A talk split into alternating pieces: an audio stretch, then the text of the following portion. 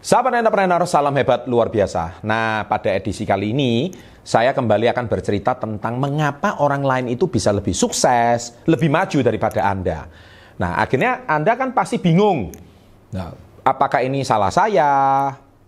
Ataukah dia lebih hebat? Ataukah kita menerima?